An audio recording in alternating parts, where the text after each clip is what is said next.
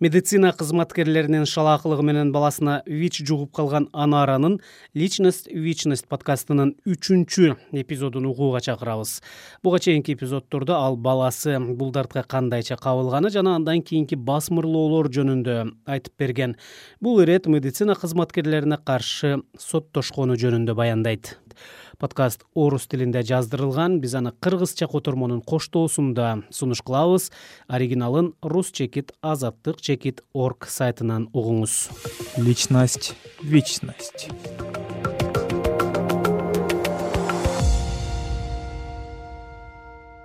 Здравствуйте. С вами снова анара саламатсыздарбы? Сиздер менен кайрадан анара жана личность вичность подкасты. буга чейинки эпизоддордо менин балама кызыл кыядагы ооруканада вич жугуп калганы жана жашоомдогу басмырлоолор тууралуу айтып бердим эле. Бул ирет адилеттик издеген күндөрүм соттошконум жөнүндө жана бул аракеттеримди коштогон жагымсыз окуялар тууралуу сүйлөп берем.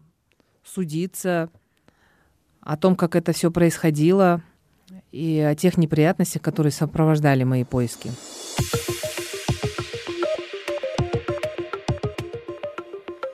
после того как диагноз вич моего ребенка подтвердился я стала ломать голову как это вообще произошло кто виноват если виновата уулумдун канында вич бар экени тастыкталгандан кийин башымды ар жакка уруп кандайча мындай болуп калды? ким күнөөлүү эгер мен күнөөлүү болбосом анда каяктан жукту деген суроолор ойдон кетпей койду обычно вич баламда ушул вирус аныкталган эки миң онунчу эки миң он биринчи жылдары адамга вич жаңы жуккан учурда аны дароо эле анализде аныктоо кыйын болчу. муну өткүлө мезгил деп койсок болот.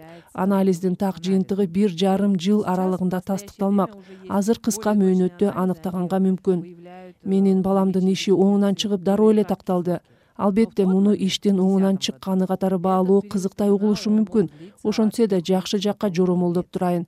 Себеби биздин анализдин жыйынтыгы кыска мөөнөттө тастыкталды. Такое везение но это тоже везение. Потому что в течение полутора месяцев когда мой ребенок получил вот эту донорскую вич инфицированную кровь мы смогли уже получить анализ и получить результат я вот э, в этих поисках думала думала мен башымдагы миң түркүн суроолорго жооп издеп отуруп акыры соттошууну чечтим. анткени чындыкты ачыкка чыгарышым керек болчу. балама вирус жугушу мүмкүн болгон жалгыз гана күмөн жер бул оорукана оорукана жетекчилиги менен сүйлөшүү аракетимден майнап чыккан жок. адамдар менден алыстай баштаганын сездим. айрыкча кызыл кыя сыяктуу чакан шаарларда адам жалгызсырай баштаганы дароо билинет почувствовала очень остро что меня люди начинают избегать. Это очень чувствуется особенно в маленьком городе как кызылкия. Я пошла в милицию я ходила в прокуратуру. Милицияга прокуратурага да аттанып бардым. Арызымды кабыл алышпай мени маскаралап күлүштү түз жолдо жүргөн аялдын баласына вич жукмак беле деп бетиме айтышты. Көпкө күрөштүм депрессия болдум ар кандай коркунучтуу ойлор жаралды. Бул аралыкта пландуу дарылануу үчүн кайрадан бишкекке барганга туура келди. Нейрохирургияда дарыландык.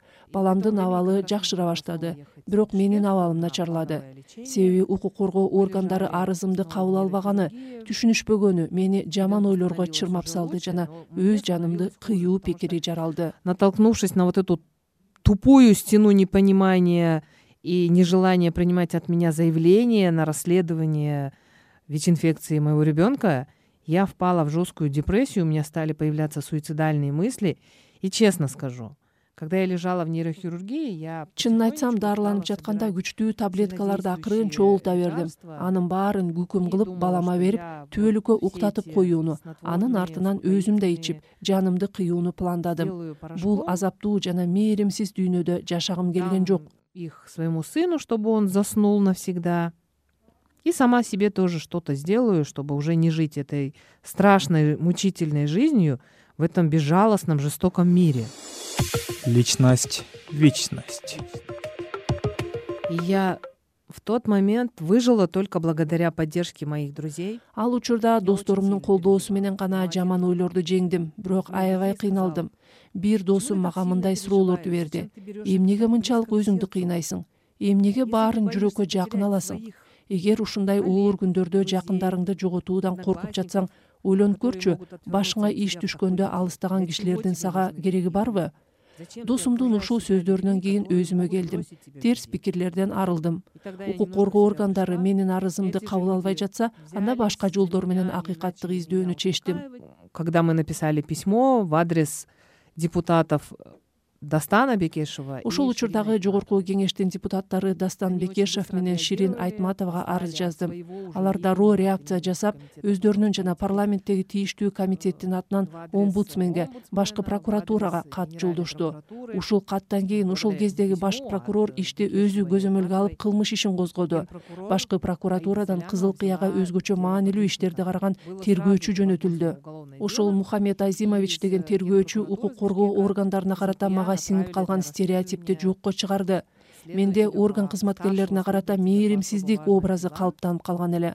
А бул тергөөчү мени аябай дыкаттык менен укту ишти ийне жибине чейин иликтеди акылдуу билимдүү экени көрүнүп турду. Өзү жөнүндө кызыл кыяда аябай жакшы мүнөздөмө калтырды. Сотрудниках прокуратуры. Потому что ну я как и все люди у меня есть какой то сложившийся образ прокурорского сотрудника. Личность вечность все это дело происходит бул окуялардын баары эки миң он экинчи жылдын жаз айларында болуп атат. Тергөөчү бүт материалдарды сотко өткөрдү. Сотто мен чындыкты далилдөөнү өзүмдүн жана үй бүлөмдүн кадыр баркын калыбына келтирүүнү көздөп жүргөн кезимде мага оорукана жетекчилиги сот кызматкерлеринин катышуусунда төрт жүз миң сом сунушташты сунуштаганда да жөн эмес мен алардан акча талап кылып сурап жаткандай кылышты. Мен акчаны алып ооруканага каршы соттошуудан баш тартышым керектигин айтышты. Акчаны оорукана кызматкерлери чогултканын билдиришти. Мен андан баш тарттым. Суд был очень долгим очень тяжелым очень мучительным. Сот көпкө созулду. Оор жана түйшүктүү жараян болду. Ишимди караган соттор алмашты. менин артымда колдоочум жок кызыл кыя чакан шаар жана көпчүлүк бири бирин тааныгандыктан ишти чоң чырт чатакка айлантпай жаап коюуну көздөгөндөр болду. Сот отурумдары улам жылдырыла берди. Кээде отурум өтөрү тууралуу мага маалымдама бербеген учурлар болду. Мен буга ачууланып кайрадан даттана баштадым журналист кыздар катя иващенко жана мария мирошнике аябай ыраазымын алар мени колдоп макала жазышты сотко чалып эмнеге иш жылбай жатканын сурашты. Ошентип иш акырындап кыймылдап жогорку сотко чейин жетти. Ни с кем не хочет конфликтовать. Я же человек без юридического образования и я не понимала что происходит. Менде юридикалык билим жок. Адвокат дагы жалдай албадым. Өзүмдү өзүм коргодум ал кезде эч нерсени түшүнгөн эмесмин. Азыр ойлосом процессти атайын эле создуктурушкан экен. Облустук соттон ишти кайра шаардык сотко жөнөтүшкөндө судья иш боюнча үч экспертиза дайындоону чечти бирок тергөө маалында ал экспертизалар өткөрүлгөн болчу. ушул үч экспертизанын жыйынтыгын чыгаруу бир жарым жылга созулду. эмнеге мен муну айтып жатканымдын дагы себеби бар. Көрсө шалаакылык беренеси менен айыпталгандардын кылмыш жоопкерчилигинин чектөө мөөнөтү үч эле жыл экен. Мен баламдын оорусун аныктоо менен убара болуп бир жылды өткөрүп жибериптирмин жарым жыл ар кайсы органдарга арызданып жүрдүм. Дагы бир жарым жылды кереги жок экспертизага сарптадым. один год я упустила пока мы выясняли э, что моего ребенка вич инфицировали. И потом мы э, еще полгода я металась по разным инстанциям. И по итогу полтора года у нас уходит на абсолютно ненужные экспертизы когда приходят результаты экспертизы в четырнадцатом году это было уже осенью. Экспертизанын жыйынтыгы эки миң он төртүнчү жылдын күзүндө чыкты. Судья оорукананын кан куюу бөлүмүндө иштеген үч кызматкерди шалаакылык беренеси менен күнөөлүү деп тапты. бирок кылмыш ишинин чектөө мөөнөтү өтүп кеткендиктен жазаланышкан жок. соттолгон деген макамы бар бирок жаза алышкан жок. Они остались безнаказанными. Они да они имеют судимость получается но тем не менее никакого наказания они не понесли.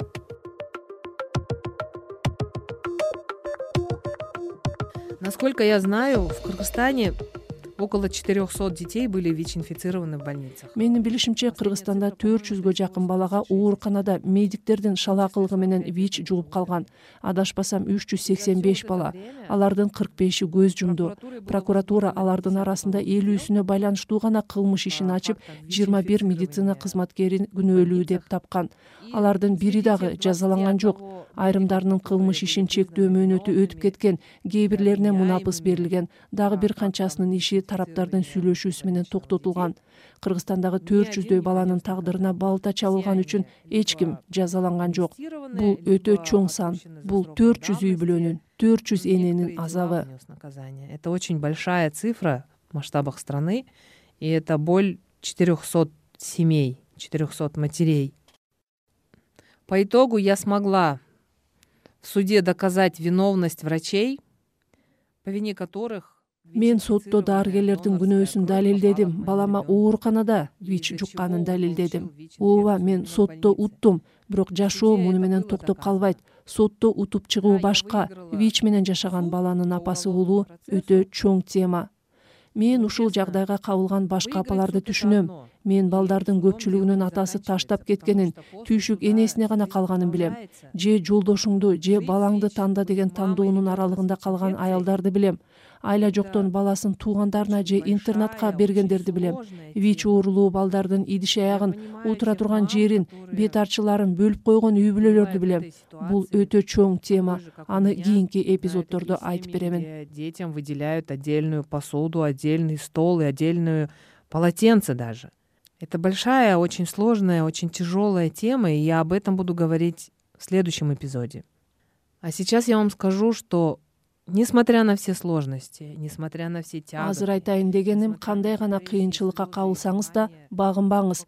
жашоо уланышы керек. Балдарыбыздын бакыты үчүн жашашыбыз керек адамдарга биз тең укуктуу экенибизди далилдеш үчүн дагы жашашыбыз керек. Биз коомго коркунуч жаратпайбыз. Мага башка энелер да ушул көйгөйгө кабылган башка адамдар дагы кошулушун каалайм. Вич спид жыйырманчы кылымдын чумасы деген басмырлоочу жана эскирген чакырыкты жокко чыгарабыз деп ишенем. Вич өмүр бою дары ичүүчү талап кылган оору экенин башкаларга жөндөн жөн жуга бербестигин далилдейбиз деп ишенем.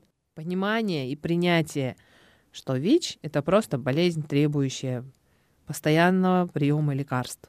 Просто постоянного приема лекарств. Личность вечность. С вами была анара. Сиздер менен анара болду. Кийинки эпизоддо жолукканча. Встретимся в следующем эпизоде